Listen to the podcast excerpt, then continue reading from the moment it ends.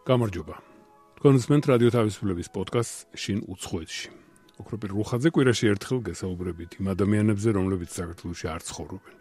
უცხო ქვეყანაში არიან წასული სხვადასხვა მიზეზით და რომლებიც ჩემთან ერთად გიამბობენ საკუთარ თავზე, საკუთარ საქმესა და იმაზე თუ რა აწუხებთ და რა უხარიათ.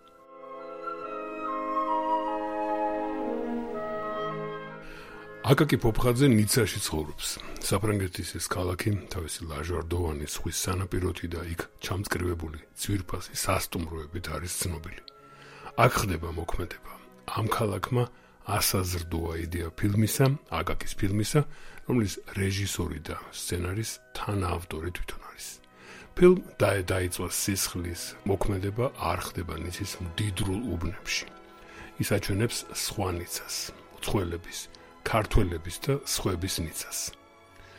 აგაკიმ რამდენიმე წლის წინ გადაიღო მოკლემეტრაჟიანი ფილმი მე ვხედავ, რომლის გმირს, რომელიც ნიცელია, გულიერება ქალაქის ამ მხარეს, ამ გაპრიალებულ ნიცაზე, პალმებსა და კაფეებზე.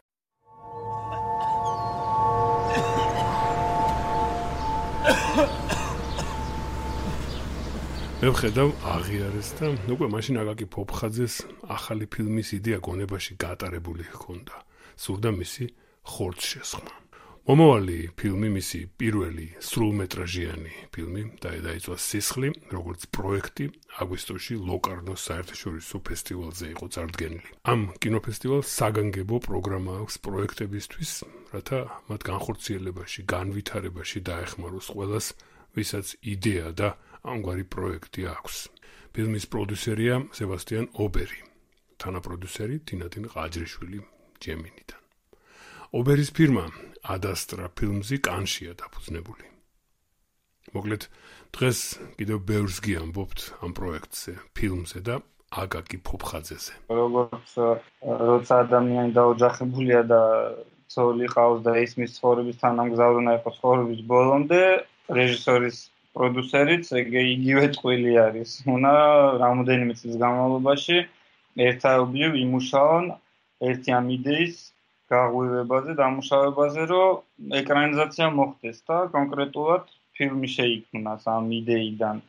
მე ერთი 6-8 თვე მომდი იმას, რომ ერთი ასობით უარი რომ მივიღე, როგორც იქნა მივახციე ისეთ ადამიანამდე, ვისაც დაინტერესა ჩემი ამბავი. და ფილმის პროექტი ჩვენ შევთანხმდით ერთობლივად მუშაობას პანდემია სანამ დაიწყებოდა თებერვალი-მარტი 2020 წელს და იმის მერე უკვე წელიწად ნახევარია რაც სცენარზე ვმუშაობ. მაგრამ დღესდღეობით უკვე სცენარი დაწერილია, ის დაიწერა, გადაიწერა, მერე სხვადასხვა პროფესიონალებმა შეხედეს, იმას წაიკითხეს, ანალიზი გაუკეთეს, მერე ისე თავიდან დავწერეთ, გადავწერეთ. სხვადასხვა პლატფორმებზე ვიყავით ამ ჩვენი პროექტით. მაგალითად ბათუმის კინოფესტივალზე წინა წლის ოქტომბერს ვიყავით ჩასული Alternative Waves ეგეთი პროგრამა არის და იქ იყო წარდგენილი სცენარი. ეხლა ხანს შვეიცარიაში ლოკარნოს კინოფესტივალზე წარვადგინეთ ეს პროექტი და უკვე ეს არის საბოლოო ვერსია, რითიც ვიხემძღვანელებთ, რომ გადავიღოთ ფილმის გადაღების დაწყებამდე უამრავი თანამშრომელი და ფილმში დასაკავებელი ადამიანის მოძებნა საჭირო. სახიობიცა და გამონათებელიც მისაკვლევია და არა მხოლოდ ისინი. დღესდღეობით ერთი სახიობის დადებითი პასუხი საფრანგეთში, კი არა და საერთაშორისო ანუ ეს art house ფილმში მეფში ცნობილი ფრანგი დენი ლავონ ეგრეთ ქვია ლეოს კარაქსის ფილმებში თამაშობს სამხშირად თამაშობდა და ის დათანხმდა ერთ-ერთ როლის თამაშზე. ეხა თანაპროდიუსერებს ვეძებთ. ერთი თანაპროდიუსერი ყავს უკვე თინათინ ხაჯიშვილი ჯემინი ფილმსიდან საქართველოსდან. კიდევ მესამე ქვეყანა შემოვა პროდუქშენში გერმანია იქნება იტალია შვეიცარია ბელგია და ეხა უკვე ასე ვთქვათ გადაღების დღემდე ჩემი მისია შესრულებულია უკვე პროდიუსერის ბანაკშია ბურთი და იმან უნდა ისე იქნას რომ ფილმის ბიუჯეტი შეიკრას და გადაღების პირველ დღემდე მიმიყვანოს სადაც ისევ მე ჩემზე გადმოვა უკვე ყველანაირი პასუხისგებლობა რომ უნდა ვიხემძლანელო ამ ფილმის გადაღება ერთ წელიწადშია დაგიძმილი 2022 წლის აგვისტო-სექტემბერში შეჯერობით აი ამ ეტაპზე ვარ ფილმი დაედაიწვა სისხლი ქართველი ემიგრანტების ოჯახზეა. იქ განვითარებულ დრამაზე. ამავე ხდება საფრანგეთში ნიცაში როგორც გითხარით. თუ ნიცის საფოსტო ბარად საიღებთ რომელზეც პრომენადა და ჩამავალი მზეა გამოსახული უნდა წარმოიდგინოთ რომ ბარადს აქვს მეორე მხარე. ეს მეორე მხარეა სადაც ხდება აკაკის ამბავი. პრესტანისგან თავად პერსონაჟს რომელსაც უნდა რომ სასულიერო აკადემიაში ჩააბაროს და მღვდელი გახდეს ის ხორობს დედამისთან ერთად, რომელიც ფორტეპიანოს მასწავლებელია და მამამისთან ერთად, რომელიც მძღოლი არის ერთ-ერთი რუსი ოლიგარქის, რომელსაც ძალიან დიდი სახლი აქვს სანაპიროზე. და ამ რუს ოლიგარქს უნდა რო კერძო სანაპირო იყიდოს თავისთვის, მაგრამ აქაურ ლოკალურ ასე ვთქვათ კრიმინალურ ცხოვრებ დასაქმებულ ნიცელებსაც უნდა თან თანაპიროს ყიდვა და გადაწყვიტავენ რომ მოიშორონ თავიდან ეს რუსი, მაგრამ შემთხვევით მოკლავენ პრისტანის მამას, რომელიც ამ რუსის მძღოლია. აღმოჩნდება ეს პრისტანი მარტო დედამისთან ერთად და დასაფლავებამდე ცოტაოდენ ადრე კარიბზე აკაკუნებენ ვინ არის გააღებს პრისტანი და გაბრიელი მისი უფროსი ძმა გახდება კარიბის წინ, რომელიც 10 წელი არ უნახავს და დაბრუნდა ის გაგდებული ყავდა მამამის, იმიტომ რომ ადრე რაღაცა წამლის გაყიდვაში დაიჭირეს და ძალიან შეაცვნა ოჯახი, თავის სამშობლო და გააგდო მამამ ოჯახიდან და დაბრუნდა ეს უფროსი ძმა, რომელსაც ერთადერთი მიზანი აქვს, რომ შური იძიოს მამის კვლელებზე. ტესტანი და გაბრიელი ძალიან განსხვავებულია ერთმანეთს. ახლა გაბრიელი ძალიან ფეთქებადი პიროვნებაა და ერთადერთი მიზანი აქვს შურისძიება, ტრისტანს არ უნდა ეს შურისძიება, არ უნდა წარსულზე ფიქრი, უნდა მომავალზე ფიქრი, თავის სასულიერო ცხოვრებაზე ფიქრი და დედამისზე ზრუნვა. მაგრამ გაბრიელი დაუკავშირდება თავის ძველ ნაცნობებს აქ ნიცაში და დაიწყებს ზებნას ვინ როგორ რატომ მოკლა და ჩაითრეს ამ თავის უმცროს ძმას თავის მოქმედებებში და ეს ტრისტანიც აღმოაჩენს თავის თავში ასე ვთქვათ ცუდ მხარეს, თავის ცუდ მხარეს აღმოაჩენს და ეს ანუ ტრაგიკული ამბავი არის, რომელშიც ერთ-ერთი ძმა შეეწირება ამ მამის ყველების პოვნის ბიზნეს აღხორციელებას და მე უკვე იქ ანუ ბევრი ამბავი ხდება სცენარისტული ჭიდაობის სცენებიც არის ჯიუდოისტები იყვნენ ადრე ძმები და ერთმანეთს ისევ რაღაცნაირად შეუერთდებიან ამ ჯიუდოს მეშვეობით, იმიტომ რომ უცხოს მას თავისი ძმა არ უყვარს, ვერ უგებს, დიდი ხანი არ უნახია და ამ მთელი ფილმის განმავლობაში ისევ შეგაიცნობს იმას და თავი მიხდება რომ სინამდვილეში მთავარი ოჯახია და რა თქმა უნდა უყვარს თავისი ძმა და ყველაფერს გააკეთებს მისთვის. ან ზოგადად ოჯახური დრამა იქნება გადაცმული ესე შურისძიების განგსტერულ ჟანრულ ფილმში. რამე განსაკუთრებული აქვს ნიცას იმხრივ რომ აი ორ მხარეზეა ხო მართლა მაქალაქში ერთმანეთთან როგორ ვთქვა საზღვარი არის მაგრამ ის რაღაცა გვირაბივით არის ხო სწორედ ტრამვაი გაევლის ხოლმე და მეორე მხარეს უკვე იწება ის ახლა რაიონი.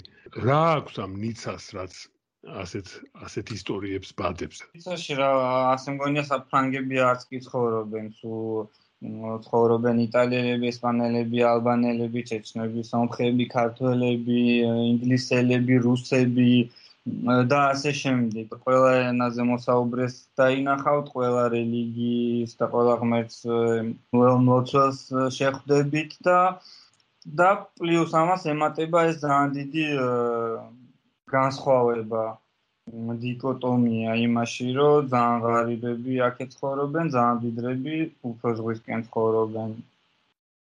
და ეს ღარიბები მუშაობენ ამ დიდრებისთვის, სასტუმროებში, სანაპიროებზე და ასე შემდეგ, მაღაზიებში.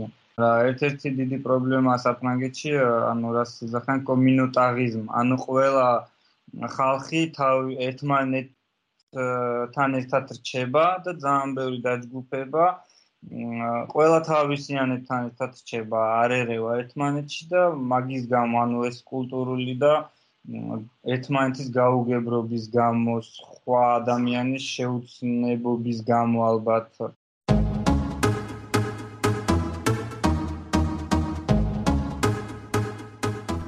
როცა მშობლებმა ნიცაში ჩაიყვანეს, აკაკი პოპხაძე ყმაწვილი იყო.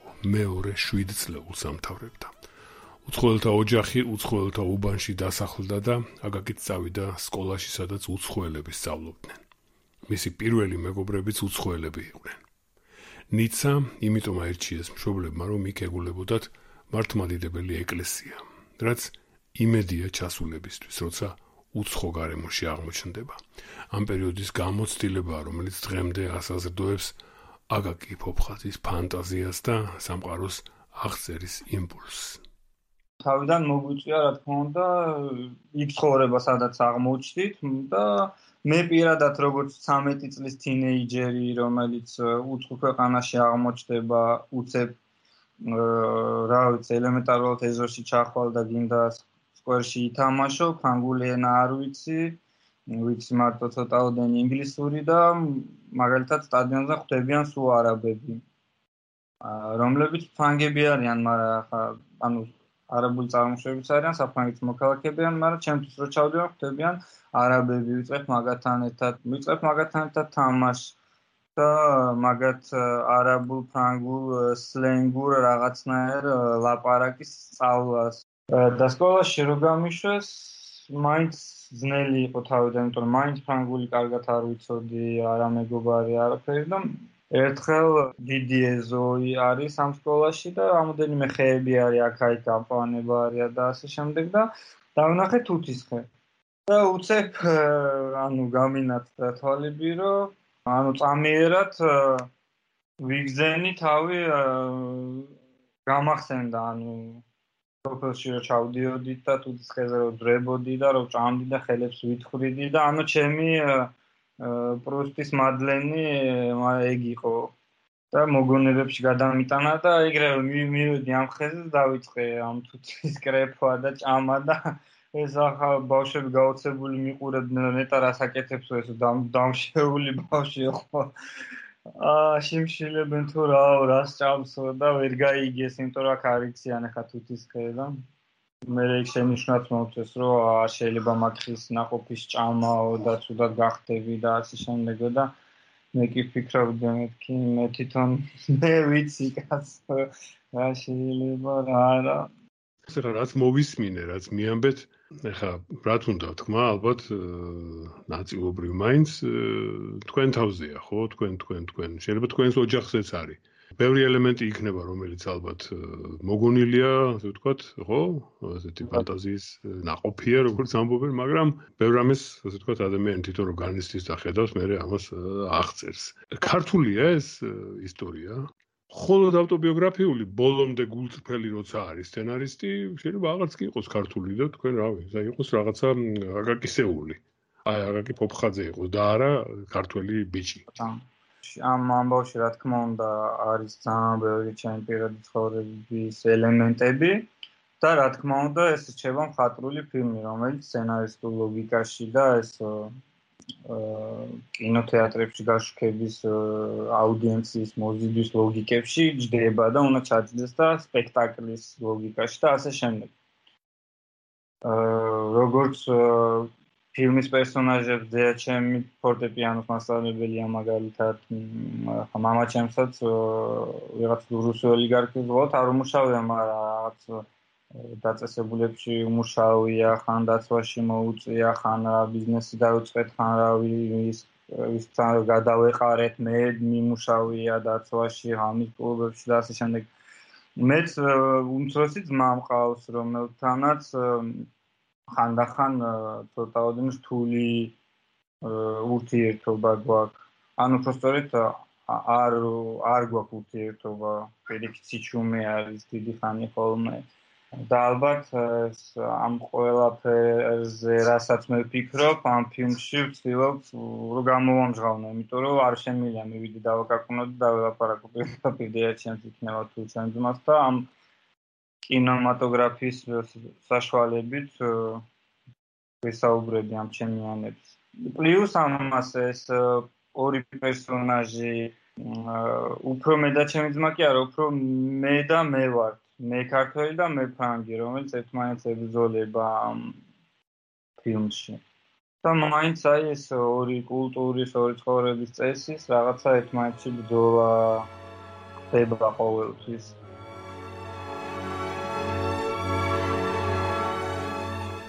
კონსმენტ რადიო თავისუფლების პოდკასტს შინ უცხოეთში ოქროპირ რუხაძე უცხოება გადაცემას რომლის სტუმარია დღეს საფრანგეთში მიცაში მცხოვრები ქართველი კინო რეჟისორი აკაკი ფოფხაძე რომელიც თავის პირველ სრულ მეტრაჟიან ფილმს ამზადებს გადაღებისთვის.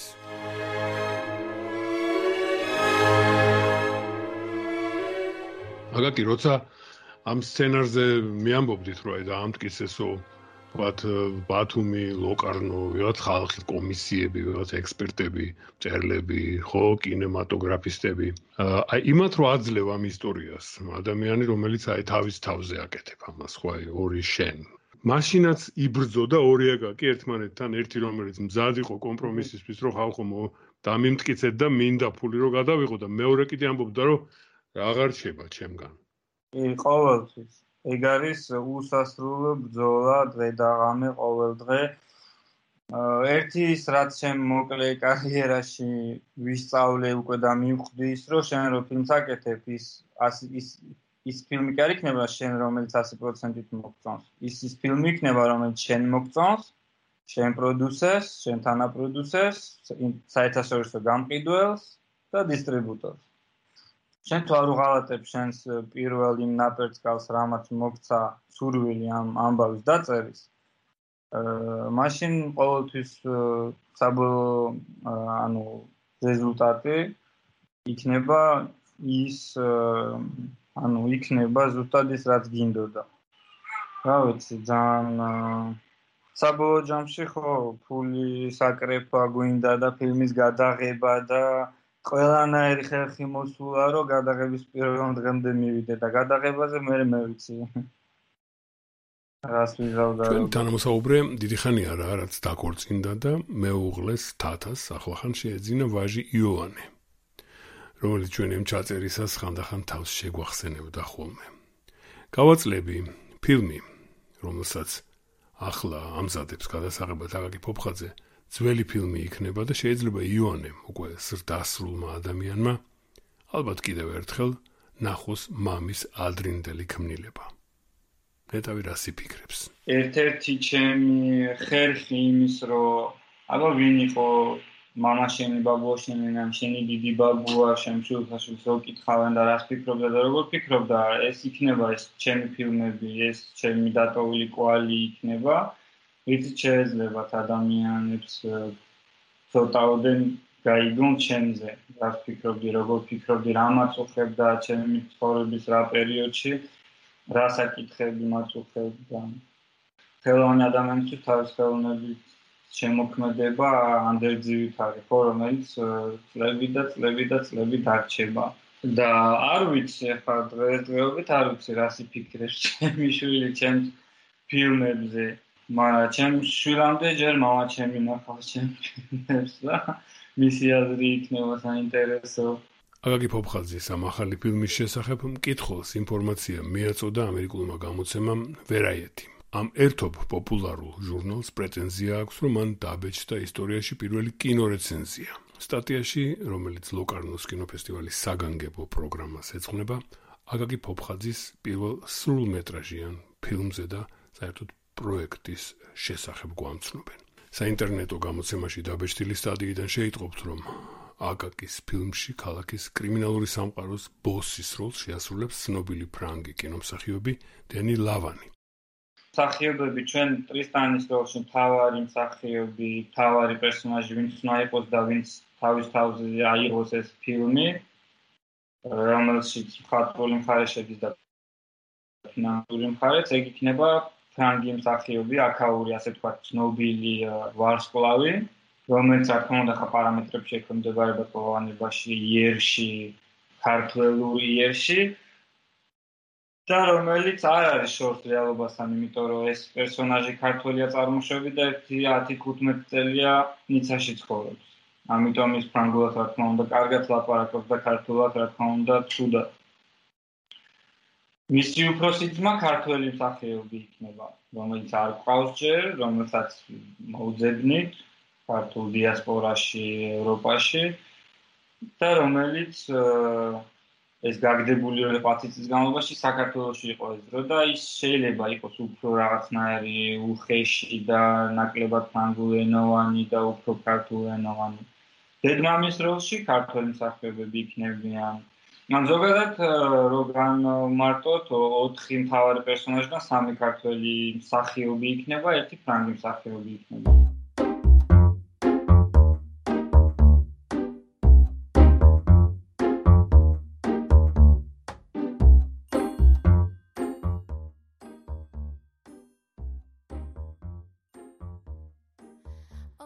როგორც თქვენგან შევიტყვე, დაქორწინდით და თქვენი მეუღლე ჩაიყვანეთ აფრანგეთში, ნიცაში. თქვენ ოჯახი წავიდა და წაგიყვანათ, ასე ვთქვა და აი როგორც მითხარით მე მე შემეკითხებოდაო. აა კითხეთ თქვენ ზოლს უნდა თუ არა თქვენთან ერთად აფრანგეთში წამოსვლა და ცხოვრება? კი. ეგ პირველი კითხვა იყო რაც ვკითხე რომ ანუ ნისაში წამ თუ წამყვები მეთქი ეხლა ნიცი ნიცის ყველა თვისება ალბათ არ იცოდა ხო მაგან ეხლა? თუ ლაჟვარდოვან სანაპიროზე ეპატიჟებოდით რა თქმა უნდა ეხლა იქ ყველა წამოყვება მაგრამ საეცინასავით და მე გავუმეორე კითხვა რომ ანუ წამყვები მეთქი დიდი ხნით დიდი ხნით წამყვები მეთქი თან ის კი არ ცოტა ნისაში რომ სამოვიდით მე რეგრევ პარიზში წავედი 1-4 თვით ну კითხე თუ წამომყვები მეთქი და სადაც შენ იქნები იქაც მეო ესე მიპასუხა ძალიან დიდი გმირი დედა ხარ მე სულეუბნები ხა პირველ რიგში იმიტომ რომ ის მერი კალი ფერძინობაში და რო გააჩენს ადამიანს ბაუშ მიმაჩნია გმირი ადამიანია და დედა და მეორე მხრივ ხა ჩემ მეუღლეს თათა ქვია თამარი. მაგ მეგობრები იცოდა მან რომ უნაშობლები დაეტოვა მეგობრები დაეტოვა თავისი ცნობილი გარემო ის ქალაქი იყო თუ უბანი და თავისი ჩვეული წესები ყოველდღიური ცხოვრების უნდა დაეტოვა და შეიცვალა რა თქმა უნდა რომ ოჯახურ ცხოვრებაზე აწყობილიყო. და ამ ყველაფრის გააზრების მერე მითხრა რომ საერთოდ შენ იქნები იქაც მეო და მე ჩემ ჩემ მხრივ კი შევკვირდი რომ უფრო ანუ ხშირად ვიქნებოდი საქართველოში და არ ჩამოშორდებოდი სამშობლოს საქართველოს და მეც ასე ვთქვათ გამიჩნდა მიზეზი და რომ წელიწადში ერთხელ ერთი კვირით კი არა ორჯერ და ორ-ორ და სამ-სამი თვით ჩავიდე იმიტომ რომ ჩვენ გვინდა რომ ნუ პირველ რიგში ჩვენ არ მოვწყდეთ იქაურობას და რომ ე პატ ჩვენო პატარა ივანე მიწოდეს საიდან მოდის და ბები ბებია იყავს ახლა ბებია ბაბუა მონათესავები და იქ გაიზარდოს ხო ჩემ ჩემ მეუღლეს პატარა ძმა ყავს 1 წლის და ანუ ბიძადიშვილი 1 წლის განსხვავებით ერთად გაიზრდებიან და ფული იქნება თუ ზამთარი ჩვენ ჩავალთ ისინი ჩამოვლენ და ეს რაღაცნაირად ხიდი გავაკეთეთ საქართველოსა და საფრანგეთს შორის უკვე უწყვეტი ხიდი. კინორეჟისორებს შორის დიდრებიც არიან და ისეთებიც, ვისაც უწევს ფილმიდან ფილმამდე ფულის შოვნა. ახალგაზრდა კინორეჟისორს სიმდიდრე ჯერ ვერ დაუგროვებია, ცხადია. გავბედე და აკაკი ფოფხაძეს პირდაპირ ვკითხე. რით ცხოვრობთ მეთქი? ნიჭი და შრომა ერთად თუ მიაბიჯებენ ცხოვრება საამური შეიძლება იყოს. ნუ ამ ფილმის პროექტიდან ძალიან პატარა მცირედი თანხა შემხვდა უკვე სცენარის დაწერისთვის და კიდევ ცოტა უდენ თანხა შემხვდება აი გადაღების პირველ დღეს და რა თქმა უნდა ფილმი თუ ანუ ძალიან ბევრი შესვლა იქნება კინოთეატრებში ან ძალიან ცნობილ კინოფესტივალებზე, იქნება წარდგენილი კანი, იქნება ბერლინი თუ ვენეცია. ის მოიტანს თავის ასე ვთქვათ ბარაკას და ეს ნამუშევარი დაფასდება.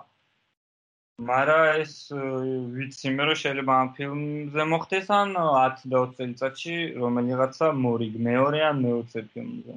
კი მეორე მხრივ რა თქმა უნდა ეხა ოჯახის შექმენი მოჯახს შენახვა უნდა ვცდილობ რომ ჩემს სფეროს არ ჩამოვრჩე იმიტომ რომ ხა მე რა თქმა უნდა სცენარის წერა და პროდიუსერებთან შეხვედრა ნებისმიერ ადგილიდან შემიძლია Skype-ით და წერო პასტაფუთელი ჭირდება მარტო. ვცდილობ რომ რაც შეიძლება ახლოს დავჭი ჩემს სფეროსთან და გადაღებებზე მუშაობ როგორც location manager-ი. ანუ ადგილმდებარეობებს ვინც ეძებს და მოიპოვებს. მე უკვე რეჟისორი ეთქოს აი ეს ბარი მინდა და არა ეს სტადიონი რომ მოხდეს ეს ყველაფერი გადაღება და ახლა ბოლოს მაგალითად Netflix-ის სტრუქტურა ეწოდინებათ მაგათი სერიალზე მუშაობდი 4 თვის განმავლობაში.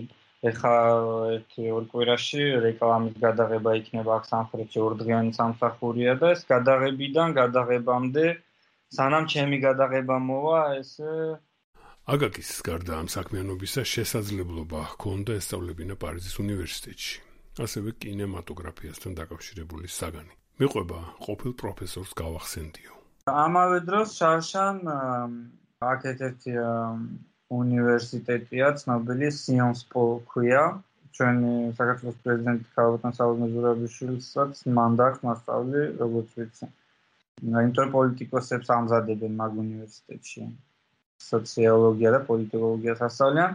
ესე იგი მოკლედ რო თქვა ერთ დღეს მირეკავს ჩემი ყოფილი კინოსკოლის მასწავლებელი და მეკითხება რომ ამ უნივერსიტეტშიო მასწავლებელს ეძებენო და ლექციებს ხო არ წაიკითხავო. და უცებ რაღაც ძალიან გაოცებული ვიყავ ტელეფონში მეთქი მოიცა მოიცა კაცო სწორედ გავიგე ანუ უნივერსიტეტში მეორე კურსელებს უნდა ლექციები წაუკითხო გახსნესო განხრავ ამ პოლიტოლოგიურ უნივერსიტეტშიო კინოხელოვნებასთან დაკავშირებითო იქ რაღაცა მხატვრობა თეატრი ყველაფერი არისო და ერთი მასწავლებელი გჭირდებაო და შენ როგორც ანუ ბეჯიტი მოსწავლე და კაი მოსწავლე მახსოვხარო ადრე და დათანხმდები თუ არაო და მეც რაღაცა დაუფიქრებლა თუ აჯახი და ხოლმე თქვი ვიზავ მეთქი ვეტყვიო ხო რომ თან ახმახარ და დანარჩენ თქვენ მიხედეთ ერთმანეთს დაგაკავშირებთ და ტელეფონი რო გავთიშე მე რა შემოვიწყე ხელები თავზე მეთქი. ანუ როგორ ვიზავ მეთქი მაგას ახლა მეშინო და მაგნაბიჯის გადადგმა. იმიტომ რომ რა უჩემთვის ახლა მე ვარ უნივერსიტეტში ლექტორის წინაშე და არასდროს არ წარმომიდგენა ჩემს პროგრამაში რომ იქ თხარე შეიძლება აღმოჩენილიყავი და და მაქედან თქვათა შორის ერთ-ერთი ყველაზე მაღალი ანაზღაურებადი სამსახური რაც ქონია ჩემს ცხოვრებაში იყო ეგ. ფულადი იქნებოდა ეგ თუ? ანუ პირადი ასე ვთქვათ tweet შევსების ანუ დაფასებულად ვიგზენი თავი რომ რაღაცა ადამიანს უხსნიდი ჩემთან მე ხარ როგორც მოყვარული თან ახალგაზრდა ვიყავი მოსწავლეებსაც ეგ გაუსწორდათ და ძალიან კარგად ჩაიარა მაგიმა. რას ნიშნავს ფილმის და დაიწყოს სისხლი სათაური?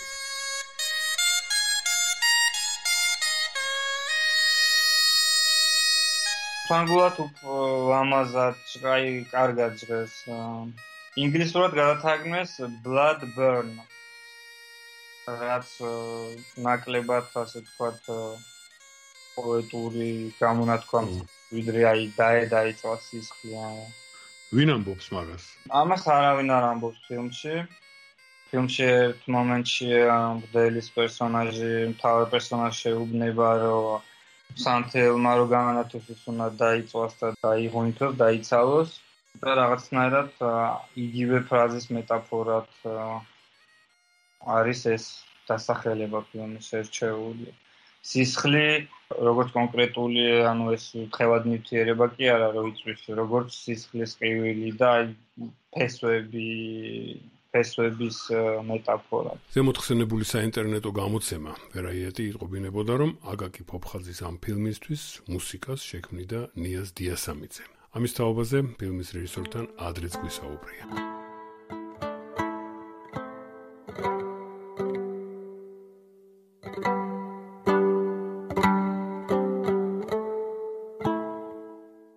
კონკრეტულად მუსიკას დაწერს მზა ფილმზე, როზედ ანუ ფილმზე რო ასე ვთქვა დაასვას ზუსტად ნოტები, რითმი კადრებზე. და მარა უკვე რაღაც ესკისებზე მუშაობს, ხანდახან რაღაცას მიგზავნის, აი რა გავიფიქრე, აი რაზე მოვიფიქრე, ანუ ჩვენ ზირთადად ჯერ ემოციებზე ვსაუბრობთ, რომ ამ მუსიკამ რა ემოციები უნდა გააღვიძოს მაყურებელში. მაგრამ ჯერ ნუ მუსიკა მზად არ არის და ჯერ უბრალოდ ეს მზადებითი სამუშაოები მიდის. მე ვეუბნები, ანუ ის რომ ნიაზი ავირჩიე და ის დამთანხმდა, ეს უკვე არჩევანია იმისი რომ როგორი მუსიკა მინდა. ამბავი მოეწონა ახლა ნიაზსაც საფრანგეთთან თავისებური კავშირი აქვს როგორც უცი იმედი აქვს რომ ბებია ფრანგი ყავდა და დიდი ხანი აქ არის ნაცხოვრები და ახლა საქართველოში მოღვაწეობს და ასე შემდეგ. და დიდი ღვაწლი აქვს იმაში რომ ქართული ფოლკლორული მუსიკა გაათანამედროვა და შეაყვარა ისევ ახალ თაობას პირველი არჩევანი ეგ იყო რომ კომპოზიტორის არჩევანი და ჩვენ უფრო ну ჟანრისგან გამომდინარე ცოტა რაღაცნაირ დაძაბულ მუსიკაზე ვმუშაობთ, მაგრამ თავისებურ ლა სუბუქი ელემენტებით და უფრო აი ნოსტალგიის ემოცია და იდეა რო იყოს მონათხრობი ამ სიმღერა ამ სიმღერა იქნება ეს თუ დაკრული იქნება ნამღერი თავარი ემოცია რო იყოს ნოსტალგია მონატრება და ასე შემდეგ პოდკასტი შინ უცხოეთში. ოქროპირ რუხაძე ვესაუბრებოდი საფრანგეთში ნიცაში ცხოვრებ კინო რეჟისორს აკაკი ფოფხაძეს. აკაკი ფოფხაძე ამჟამად ამზადებს თავის ფილმს სახელწოდებით დაე დაიწვა სისხლი გადასაღებად ის 13 წლისა იყო როცა საფრანგეთში ჩაიყვანეს მშობლებმა და მას შემდეგ იქ ცხოვრობს და მუშაობს. ამით მე გემშვიდობებით პოდკასტს შინ უცხოეთში შეგიძლიათ მოусმინოთ რადიო თავისუფლების ვებგვერდზე თავისუფლება.ge და ასევე თქვენთვის ცნობილ პოდკასტების პლატფორმებზე. ნახვამდის.